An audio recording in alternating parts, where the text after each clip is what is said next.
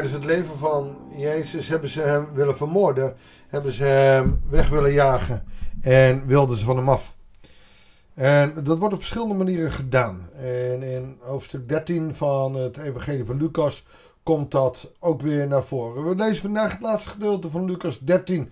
Dan waar we morgen een psalm nemen en dan weer een poosje naar 1 Koningen gaan. Goeiedag, hartelijk welkom bij een nieuwe uitzending van het Bijbelsdagboek. Zoals gezegd, Lucas 13 vanaf vers 31 tot en met 35.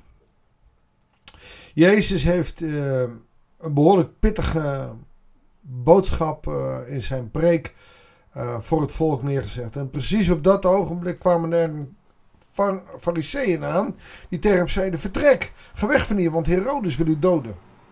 Dat is natuurlijk opvallend dat de fariseeën dit zeggen. Je kunt hier van uitgaan dat deze fariseeën dat ook gewoon in opdracht van Herodes dat doen. Uh, allereerst omdat Herodes geen onrust wil en bang is voor Pilatus en zoiets heeft van uit Jeruzalem wegwerken. Want ik wil geen uh, ja, problemen. Herodes staat niet bekend als een stoere vent, maar meer een beetje als een compromisachtig tipje die de uh, Romeinen maar een beetje uh, tegemoet wil komen. En Jezus antwoordde, zeg tegen die vos, zie je wel, uh, Herodes als vos, stiekem om via, via dan maar dingen te zeggen. Let op, ik drijf demonen uit en vandaag en morgen genees ik mensen. En op de derde dag bereik ik de voltooiing. Nou, dat is precies waar Herodes nou zo moeite mee heeft. Met het uitdrijven van demonen en het uh, genezen van mensen. Dat doet hij vandaag en morgen. Oftewel, daar ben ik mee bezig. Dat is mijn roeping. En dat is ook precies waar Herodes zich over stoort. Je ziet later ook van, joh, wil je me niet genezen? Hè? In zijn proces, als Jezus veroordeeld wordt, is het Herodes zegt, genees me dan of genees jezelf dan. Hij heeft daar niks mee. Komt ook omdat hij heult met de vijand en dus ook niet meer als Jood, Herodes was een Jood natuurlijk, um, niet meer godvruchtig was. Hij was dus een, een compromisachtige uh, Jood die ook met zijn geloof niet meer zo radicaal was. Ik drijf demonen uit vandaag en morgen genees ik mensen. En op de derde dag bereik ik de voltooiing. Dat is een tweede uh, deel van zijn roeping, namelijk de verlossing uh, op de derde dag. Oftewel de bevrijding aan het kruis.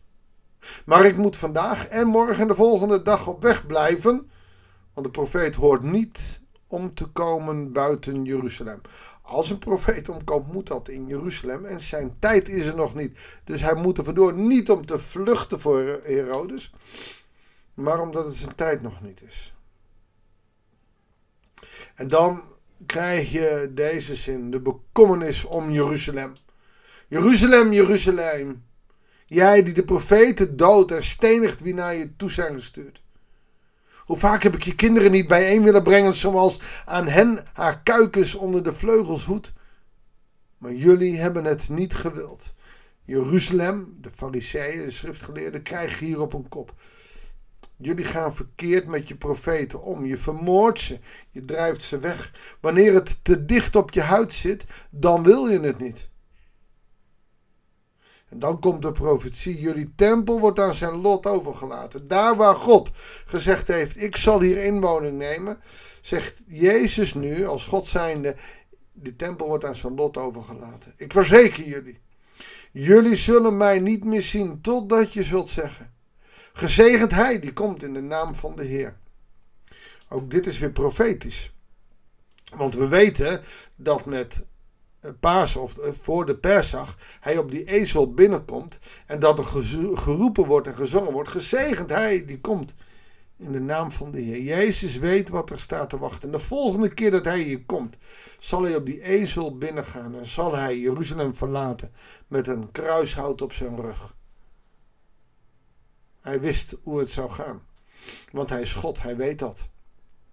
Later als het dichterbij komt, vindt hij dat vreselijk. Maar hij wist waarom hij het moest doen. En dit gedeelte, deze vijf versen, profiteert hij dus. Ik ga niet weg om Herodes. Ik ga weg omdat het nog niet mijn tijd is. Maar het wordt mijn tijd. Op de derde dag zal ik opstaan en zal ik het kwaad, de Herodesen, de Pilatussen van deze wereld overwinnen. Maar jullie tempel, die wordt aan Salot overgelaten. En dat zie je ook dat met zijn sterven het uh, voorhangsel scheurt. De tempel als zodanig is niet meer nodig. We mogen rechtstreeks tot God bidden. We hoeven dat niet meer te doen via de priester of we mogen dat gewoon in onze eigen stille tijd doen. De tempel als zodanig is niet meer belangrijk. De tempel als ontmoetingsplaats nog wel. je ziet het ook dat de discipelen dat ook gewoon blijven doen. Ook als zij de gemeente aan het opbouwen zijn, dan gaan zij binnen in de tempel. En dat doen ze om daar mensen te ontmoeten, om een stuk gemeenschap te houden, om via die relaties ook het evangelie te kunnen verkondigen.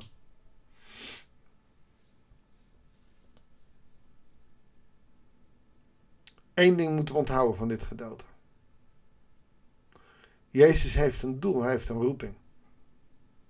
En hij blijft die volgen. Wat de wereld ook wil. Wat de Herodes of Pilatus ook wil. Hij komt terug in Jeruzalem.